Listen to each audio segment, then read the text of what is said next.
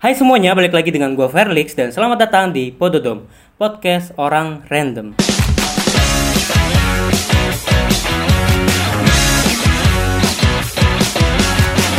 Jadi di episode perdana gue kemarin, gue menceritakan kisah cinta gue ketika gue dari SD, SMP, SMA sampai kuliah. Even itu nggak semua gue ceritain karena jujur panjang banget dan banyak banget. Jadi gue cuma kayak tipping point tipping pointnya aja gitu yang gue ceritain. Di episode kali ini gue juga akan melanjutkan kisah cinta dan kebucinan gue. Tadinya gue berpikir akan bikin dua part aja nih, tapi setelah gue pikir-pikir kayaknya bakal jadi tiga part. Oke, gue lanjutin aja langsung ceritanya ya. Jadi kemarin itu terakhir sampai gue putus sama si A, cewek yang bener-bener gue ngerasa kayak ya gue mau serius sama dia gitu. Even gue belum berpikir bakal nikah segala macam sih.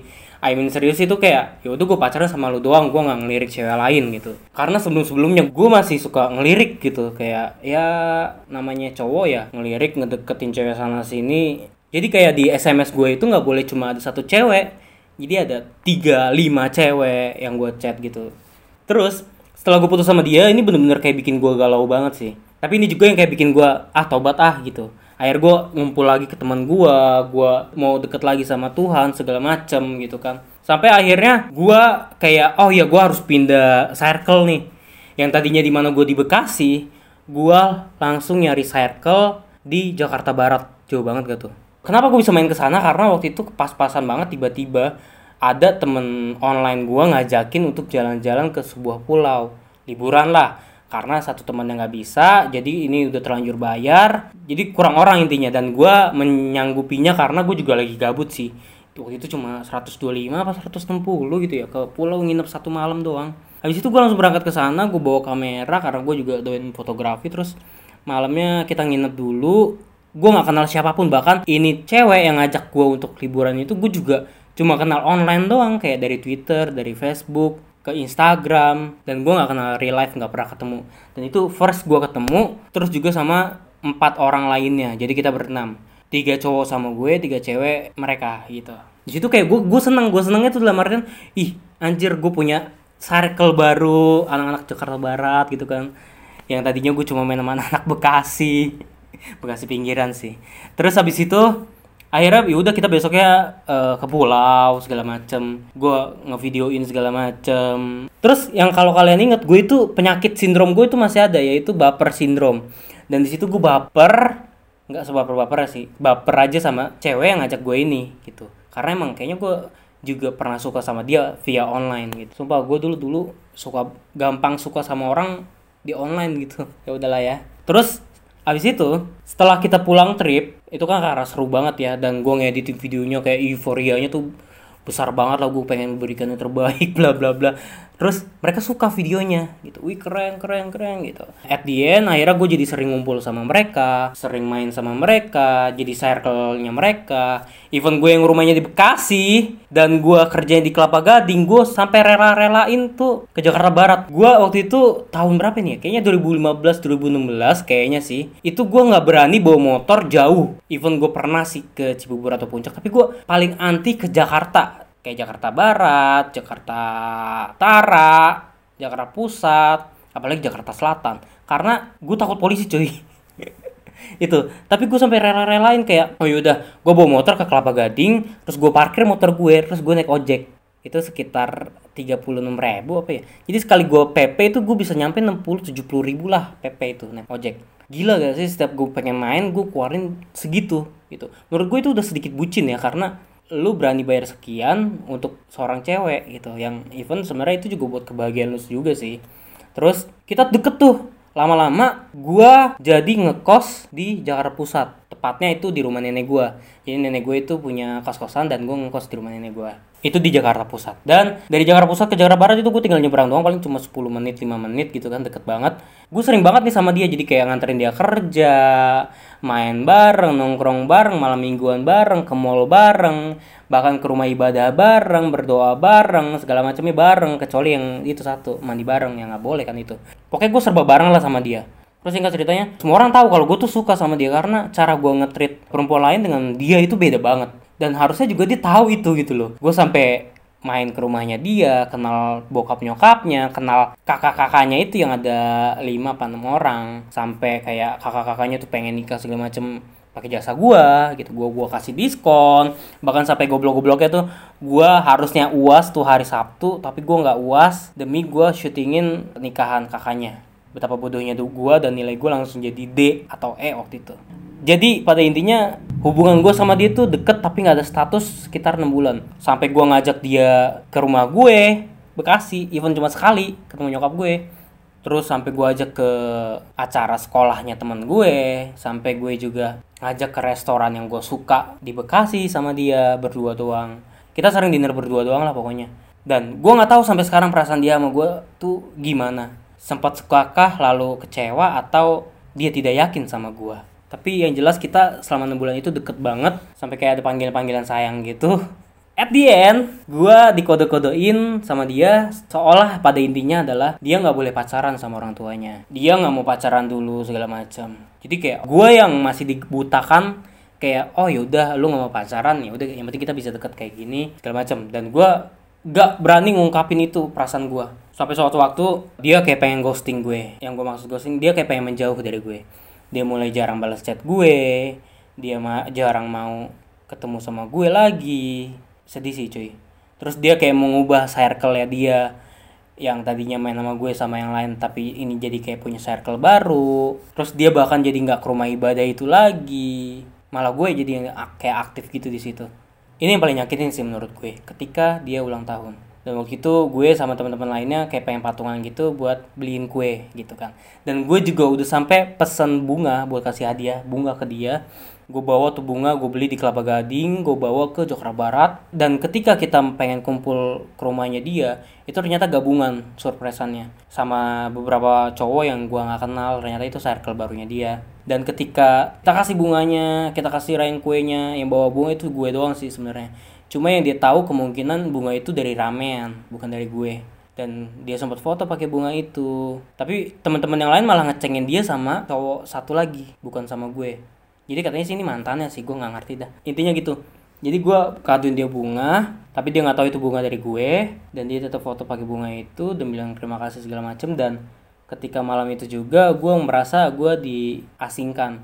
Mereka ketawa ketiwi dia dicengin sama cowok lain. Yang sebenarnya tuh ada beberapa teman gue yang tahu kalau gue naksir sama cewek gitu loh sama temennya mereka. Tapi malah ngecengin tuh cowok sama dia gitu. Dan itu nyakitin gue sih sumpah. Tapi di situ gue mulai terbuka mata gue. Oh yaudah gue gini sebucin bucinnya gue tapi ketika seorang perempuan udah punya atau sudah memilih pria gue bukan nyerah tapi kayak ya udah. Gue mundur dan gue kayak mencoba untuk melupakan. Setelah itu sedih sedih gue. Galau galau itu galaunya kayak enam bulan gitulah gue nggak hilang-hilang galaunya. Gue kayak cari cewek lain cewek la uh, teman lain gitu-gitu. Ngubah circle gue segala macem. Tapi ya kayak susah untuk move on. Even gue sampai nge-gym sama teman ini teman situ. Main sama cewek yang ini cewek yang itu. Tetap aja masih kayak mikirin dia terus. Nggak lama nih mantan gebetan gue akhirnya jadian sama tuh cowok. Yang katanya kayaknya mantannya dia. Gue langsung speechless oh anjir lu kemarin bilang kagak boleh pacaran lu. Tapi ternyata lu pacaran ternyata lu nggak boleh pacaran itu sama gue jadi kayak gue gue gue di PHP in gue digantung tanpa kejelasan. Sama nih kayak kejadiannya kayak di cerita gue di part 1 itu di mana gue sampai deket sama orang dijadiin ojek segala macem. Tapi gue tembak dia nggak pernah mau jawab. Akhirnya dia ghosting gue gitu. Sama kayak ini gue di PHP in gue digantung gak jelas. Tiba-tiba dia udah bosan atau gimana dia ngerasa gak cocok sama gue akhirnya dia malah jadian sama cowok lain. Dan setelah itu setelah dia jadian dia bener-bener ghosting gue. Akun Instagram gue di blok terus di unblock. Jadi kayak biar nggak temenan. Facebook gue juga di blok unblock. Line gue juga begitu demikian. Kayak apa ya? Kalau kalian tahu ya gue sering banget tuh di blok sama cewek sama mantan dan sebagainya. Kayak mantan gue yang A itu juga ngeblok gue. Temen-temen cewek gue juga ngeblok gue gebetan gue juga ngeblok gue mantan gue yang S juga ngeblok gue terus yang ini juga ngeblok gue. Kayak apa ya? Kayak gue dosa banget gitu sama cewek-cewek sampai di blok blokin gitu. Padahal yang sakit dan miris itu gue gitu loh. Jadi gue yakin nih guys kalau tiap tahun itu pasti gue bakal nemuin cewek baru. Jadi ketika gue habis putus sama si A 2016 2017 awal cewek yang di Jakarta Barat itu berinisial Y. Setelah gue juga ditinggalin dia segala macam 2018 awal gue pindah kerja di Pluit. Sebulan dua bulan gue kerja di Pluit tiba-tiba ada cewek baru yang datang nih. Dia baru kerja di tempat itu juga jadi resepsionis. 2018 itu gue lihat nih cewek wah gila bidadari dari mana lagi ini? Dia jadi resepsionis gitulah intinya. Jadi tiap gue pagi kerja datang lihat dia pulang ada dia gitu. Lama-lama gue penasaran kayak gue harus beraniin diri nih anjir. Udah 2018 masa gue nggak berani sih kayak kenalan sama cewek kudu dari online terus gitu. Gue gue tipenya gitu kayak stay cool stay cool stay cool. Ngenes stay cool stay cool stay cool. Nggak dapet. Tapi bener gue gue gue selalu stay cool gitu. Karena gue percaya ketika dulu gue stay cool gue bisa dapetin cewek mana aja. Tapi gue nggak nyadar diri pada tahun 2018 itu gue udah udah apa ya udah nggak good looking lah ya bisa dibilang terus sampai di papan pengumuman kantor gitu kan biasa kita ada nama-nama karyawan ya. Namanya siapa akun IG-nya siapa. Gue cari situ eh nemu. Inisialnya V sama kayak gue. Langsung lah gue follow. Follow dia tahu itu gue di follow back. Baik banget kan. Terus dia bikin story segala macem apa apa setelah seminggu gue follow dia. Gue masih perhatiin dulu tuh dia story storynya seperti apa postingannya seperti apa. Di minggu kedua gue mulai beraniin diri tuh untuk kayak reply reply storynya dia. Ini kayak klasik banget sih gue yakin cowok-cowok itu pasti ngelakuin hal ini kayak pengen deketin cewek tuh follow IG-nya dilihat storynya di komen-komen gitu. Gue komen-komen terus kita jadi ngebahas kayak kerjaan bahas kantor ini kantor itu bagian ini bagian itu. Akhirnya gue tahu dia tuh lulusan arsitek di salah satu kampus di Jakarta Barat. Ya kalau gue sebut merek ntar kalian tahu kampusnya gitu. Terus kita jadi deket gue jadi suka bercandain dia. Sampai bercanda-bercanda jayus yang gue pikir dia bakal lulus dengan cara dengan jokes jokes receh gue yang gue dapet dari teman-teman sampah gue ternyata dia nggak dia nggak dia nggak receh sama sekali. Jadi kayak satu jokes kayak contohnya hantu-hantu apa yang ulang tahun? Apa? Pocong. Hah, kok pocong? Pocong kuenya, pocong kuenya. Freak gak sih? Itu sumpah gue dapet jokes itu dari temen gue. temen kantor. Lo emang freak sih Nil. Gue pakai jokes-jokes itu sampai gue bikin jokes gue sendiri dan ya lumayan berhasil lah ya even nggak 100% menarik perhatian dia lumayan lah ya 30 sampai 40% bikin dia ketawa lah gitu. Kita sampai cetan makin deket lah pokoknya. Even dia tuh orangnya dominan banget jadi kayak dia ngomong A ke ke A aja.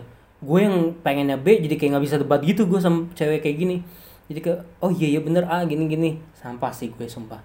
Jadi gue nggak nggak mempertahankan uh, prinsip gue gitu loh demi mendapatkan perhatian dari dia gitu. Ini yang bakal gue bahas juga di episode-episode berikutnya sih. Terus lanjut cerita gue dimutasi lah pekerjaan gue itu ke Bali. Karena waktu itu gue kerja di wedding industry ya. Jadi di kita juga punya base di Bali dan gue dikirim ke sana untuk nge-shoot segala macam ada project kan.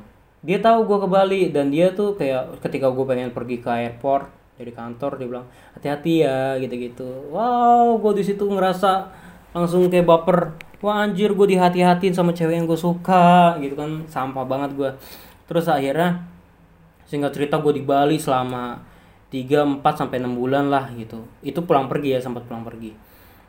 Jadi setelah gue pulang dari Bali gue bawain oleh-oleh dia kayak pai susu terus juga nasi babi guling gitu. Karena dia mesen dan dia suka banget tuh katanya terus ketika besokannya gue pulang siangnya teman-teman gue pada ngajakin Lix makan siang yuk. Gini gini gini. Gue nolak. Enggak deh lu duluan aja pak deh. Gitu kan. Karena gue pengen makan siang sama dia. Makan nasi babi guling itu. Kita makan berdua di game room. Terus yang ngangetin makanan gue siapa? Dia. Oh di situ so sweet banget gue berasanya. Anjing banget gak sih? Goblok banget gue langsung kayak ngefly gitu. Langsung ngebayangin pikiran gue ke mana-mana. Oh dia ngangatin makanan gue gue udah kayak suaminya dia istrinya. Parah banget sumpah. Gue tuh yang gue bilang penyakit gue tuh kayak gue baperan. Gue narsistik. Jadi gue kayak suka story storyin dia gitu gitu terus ini belum seberapa. Singkat cerita lagi eh, ternyata dia bermasalah di kantornya. Dalam artian dia nggak cocok. Dan ternyata dia pengen pindah kerja di salah satu vendor di Bali. Yang padahal dia tuh anak tunggal dan rumahnya tuh di Pluit itu sama orang tuanya tapi dia pengen tetap ke Bali kekeh kayak gue udah dewasa pengen gini gini gini gitu. Dan gue sebagai cowok yang suka sama dia dan sayang banget sama dia gue support. Sampai waktu itu kan dia kayak tapi bingung aku tinggal di sana gimana? gitu gitu gitu. Kosan belum nyari segala macem. Gue langsung ke- kebetulan gue lagi di Bali kan gue bilang gue aja yang cari kosan lu sini gitu.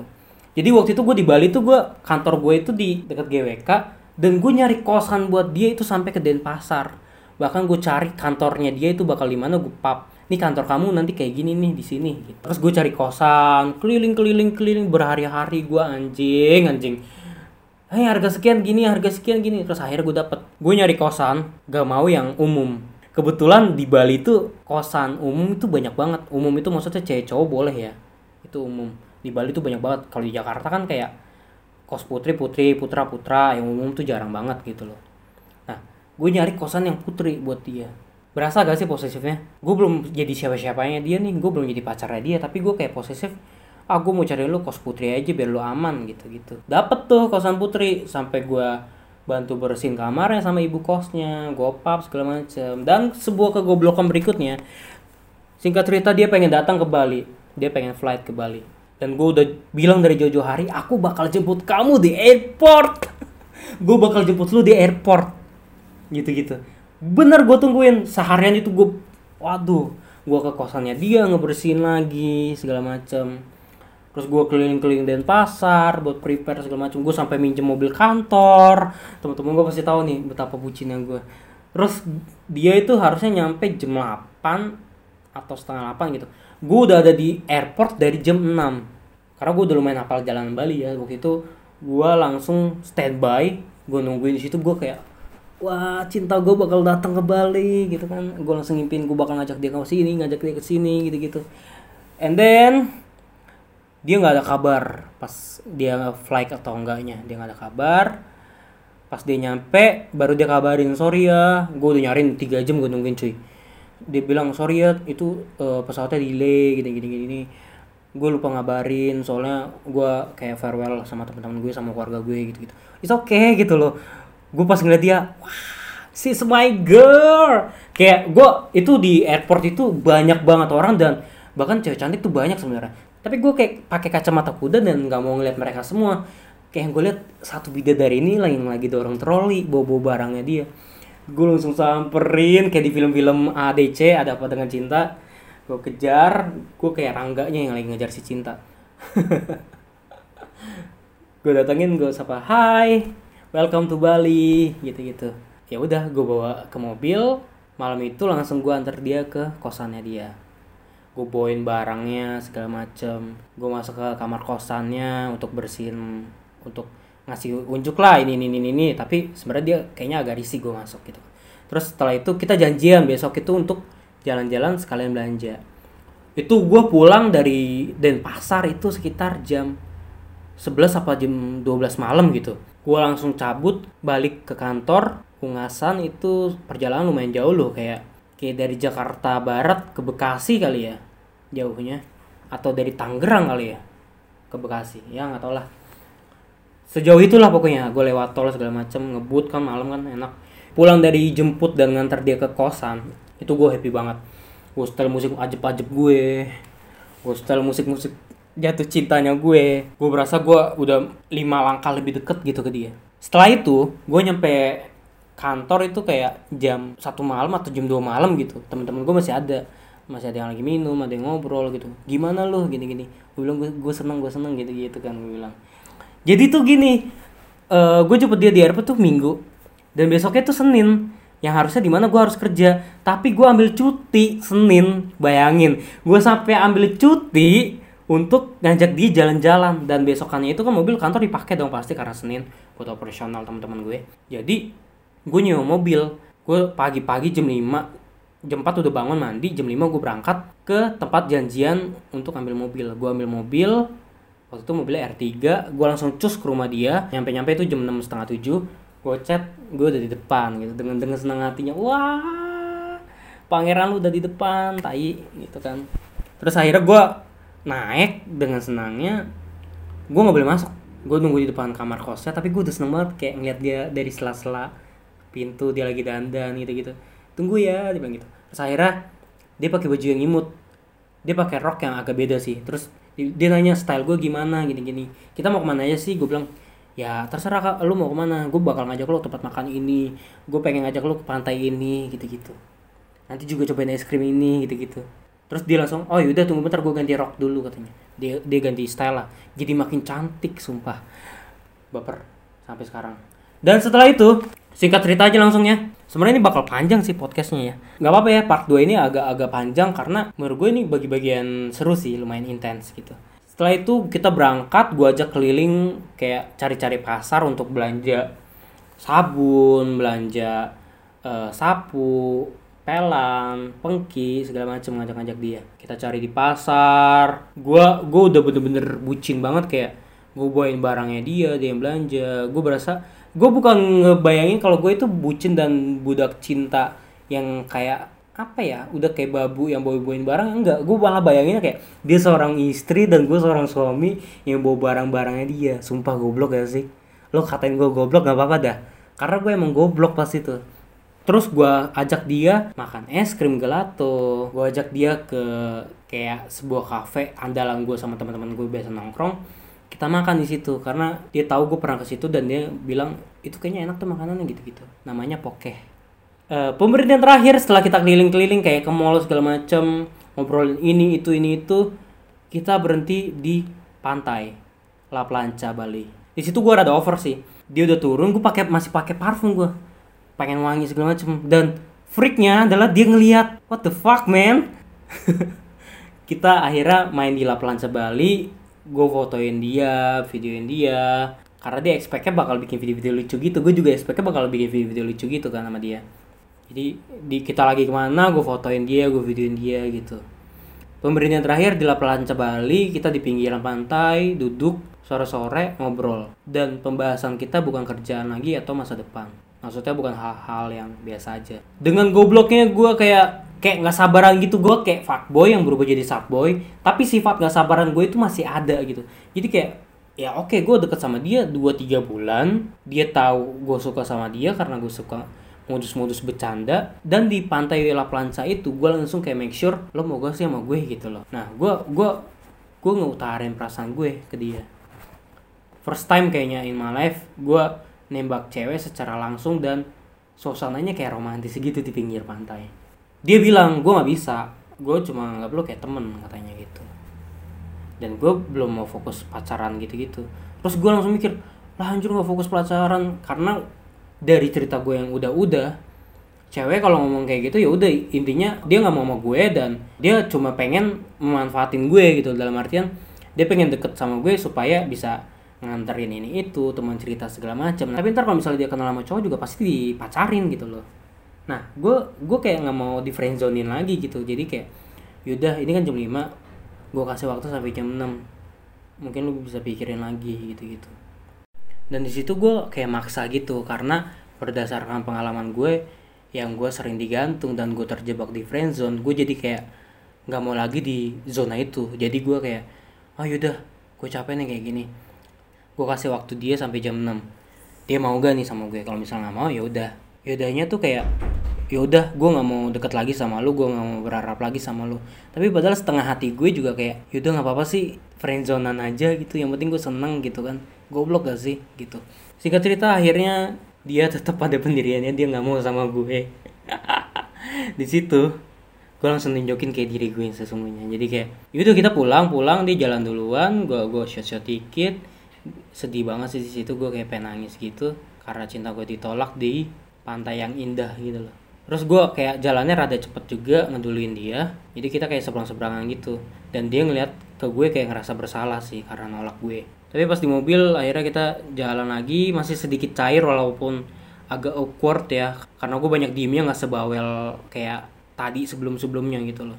Terus gue tetap mau kayak sabar dan stay cool dan tetap mau ya mau cairin suasana lah gue ajak dia makan di nasi guling babi andalan gue. Yang juga itu tempatnya teman gue jualan. Gue ajak dia makan di situ dia jadi berubah kayak diem gitu. Tapi tetap cantik cuy pas lagi diem kayak gitu. Gue masih narsistiknya gue shoot dia gue storyin dia gue bilang gimana enak gak? Enak kok dia jawab gitu.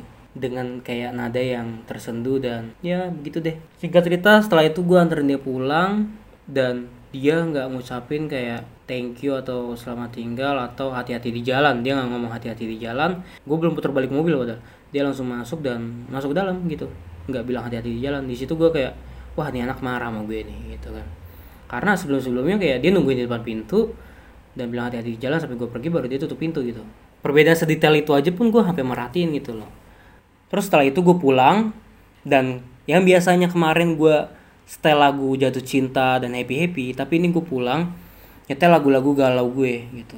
Tiba-tiba aja Spotify gue ngeganti lagu ke lagunya Overtones. Judul lagunya itu I Still Love You. Gue ngomong kayak gini langsung udah tahu nih pasti siapa orangnya. Dan abis itu gue ngerasa wah anjing nih lagu kok gue banget bisa pas banget nih lagu random tiba-tiba datang. Gue nyampe kantor masih ada teman kantor gue dan dia ngeliat dan dia nanya gue kenapa nggak gue jawab dan karena gue nggak bisa tidur jam 2 sampai jam 3 subuh gue langsung ngedit video yang gue ambil pas gue jalan-jalan sama dia. Pakai lagu I Still Love yang itu. Lagu yang gue dapet dari Spotify random gue. Di situ gue pakai penghayatan anjir sampai gue masukin liriknya segala macem. Dan gue posting. Karena ketika gue lagi sedih galau random seneng atau semacamnya dan gue nemuin sebuah lagu dan gue punya sebuah foto atau footage gue langsung kayak pengen nyatuin gitu. Karena kalau gue gitu gue nggak bakal bisa tidur gitu. Terus gue langsung edit gue kelarin dan gue posting. Dan besokannya dia kayak nggak balas chat gue dia nggak ada kabar segala macam mulai menjauh pengen nggak ghosting gitu kan. Taunya dia ternyata me time sama teman-teman dia yang di Bali gitu. Dan gue masih berharap nih dalam artian ya gue nggak bisa langsung lepas gitulah yang ya namanya juga kan sayang cinta gitu kan. Terus gue keinget waktu kita cari-cari perabotan rumah dia pengen punya gilesan baju lah intinya. Karena cari di pasar di mana-mana tuh nggak nemu. Sampai gue rela-relain pas lagi jam kantor jam makan siang pun gue pergi ke pasar gue kelilingin pasar di ungasan yang deket-deket kantor aja. Gue tanyain satu-satu ada papan cuci gak gue bilang gitu. Sampai akhirnya gue nemu beneran gue nemu. Gue nemu papan gosok dan juga kebetulan waktu ke pasar beli garam dan itu ketinggalan di mobil gue. Jadi garam yang ketinggalan itu dan papan gosok yang baru gue beli ini gue jadikan alasan untuk gue nyamperin ke rumah dia. Even dia nggak balas chat gue gue tanya di mana segala macam gue pengen datang segala macam dia dia nggak balas gue tetap datang dari Ungasan Bali ke Denpasar Bali itu jauh banget pakai motor lagi. Gue tetap datang gue tungguin. Gue masuk kan gue tanya ibu kosnya CV ke mana ini bu? Gitu kan. Oh kayaknya keluar deh mas gitu gitu kan. Masa mau nunggu? Iya nunggu aja bu. Boleh gak bu? Gitu kan gue nunggu tuh dari jam 7 malam sampai jam 10 malam. Sampai si ibunya tuh bingung kan. Mas belum pulang gitu gitu karena biasanya itu ditutup jam 9 gitu. Gue bener-bener gak ada otak sih. Gue nungguin dia sampai jam 10 malam anjir jadi gue chat dia seharian dia nggak balas segala macem gue mau ketemu segala macem dia nggak balas. Gue ngeliat storynya ternyata dia lagi fun sama teman-temannya gitu kan. Karena tadi gue kayak pengen kasih surprise gitu loh. Gue gue datang ngasih garam yang dia ketinggalan sama papan gilesan yang dia cari ke mana-mana nggak ketemu gitu loh. Gue kayak pengen ngasih surprise surprise gue ada di sini loh depan kosan lo gitu. Ternyata dia nggak pulang ternyata dia tuh pengen nginep di tempat temennya katanya gitu. Sampai gue foto papan cuciannya dan garamnya gue bilang gue di depan kamar kos lo dia kaget akhirnya dibalas sama dia. Lu ngapain di situ? Lu ngapain? Gini gini. Udah malam gila lu ya gini gini gini. Gue tuh lagi di rumah temen gue gue pengen nginep kata gitu. Di situ gue ngerasa bersalah dan gue juga emosi di situ ternyata. Karena dari jam 7 kan gue nungguin dinyamukin segala macam. Akhirnya dia datang pakai mobil sama teman-temannya dia dan dia nyamperin gue dan gue nunggu di bawah gitu kan. Dia datang dia masuk dia nanya lu ngapain sih Lix? Gini gini gini gini gini. Gue cuma mau ngasih ini ke lu gue bilang ya lu kenapa nggak ngabarin gue segala macam gue bilang gitu. Terus dia jawab gini dengan benar. Kenapa gue harus ngabarin lo katanya. Emang kita ini apa sih? dia bilang gitu. Di situ gue sakit hati dan gue bilang ya udah gue cuma mengantarin ini terima kasih gue bilang. Dan gue langsung beres-beres mau pergi gitu. Dan dia marah sama gue dia bilang gue nggak suka ya cara lu kayak gini Lix. Gini gini gini gini gitu. Akhirnya gue langsung gas motor gue dan gue pergi. Dan itu kali terakhir gue mungkin ketemu dia gue pergi dengan air mata sakit banget sih dan nangis. Nangis sekejar-kejar dan secengeng-cengengnya laki kayak bayi gitu loh. Gue yakin dia juga ngerasa bersalah tapi dia juga pasti kesel gitu loh sama gue gue aja kalau inget-inget gue kesel sama diri gue gitu loh. Singkat cerita akhirnya bener kita lost contact segala macem. Dia bilang dia nggak suka cara gue segala macem kita menjauh.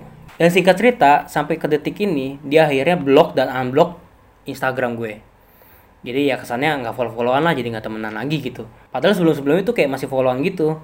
Tapi dia nggak mulai story gue gitu kan. Selama ini kan dia kayak lihat intens banget story gue tapi setelah kejadian itu dia nggak mulai story gue gitu. Terus setelah berapa bulan gue gue udah mencoba untuk move on dari dia gak lama dia blok dan unblock Instagram gue. Gue tahu tapi gue ya udahlah gue juga udah gak ngarep sama dia gitu kan. Tapi setelah gue cari tahu kenapa alasannya gue tahu jawabannya. Mungkin karena dia udah punya pacar. Dan setelah gue lihat akunnya lagi baru-baru ini ternyata bener dia udah punya cowok wow gue bilang akhirnya punya pacar juga nih orang gitu kan dan pelajaran yang bisa gue petik dari sini adalah lu berjuang untuk perempuan atau orang yang lu sayang, oke okay, gitu loh. That fine, itu bagus. Tapi nggak usah berlebihan. Tips dari gue adalah jangan jadi manusia yang terlalu, terlalu berharap, terlalu cinta, terlalu berkorban. Karena ketika lu menjadi manusia yang terlalu dan terlalu berlebihan, lu akan juga menerima impact yang terlalu, terlalu sakit, terlalu pedih, terlalu sulit untuk melupakan. Dan setelah CV ini, gue itu bener-bener kayak hati gue nggak berbentuk gue bilang. Gue susah move on, gue nggak percaya cinta, gue nggak mau lihat cewek, nggak mau lirik sama sekali. Kayak ah tai gitu loh. Dan pelajaran berikutnya adalah jadi laki itu lo harus punya jati diri gitu loh. Dan lo tuh nggak boleh maksa. Jadi pacar aja nggak ada hak, apalagi ketika ini masih gebetan. Mending sama-sama suka. Lah dia nggak suka, kan tolol kan goblok. Gimana cewek nggak makin ilfil sama lu gitu loh. Jadi di sini lu nggak ada value nya sama sekali di mata dia gitu. Oke mungkin segitu aja episode kedua The My Love Part 2 Terima kasih sudah mendengarkan. Semoga ini bermanfaat ceritanya untuk kalian semua. Dan gue Felix pamit undur diri. Sampai jumpa di episode berikutnya. See you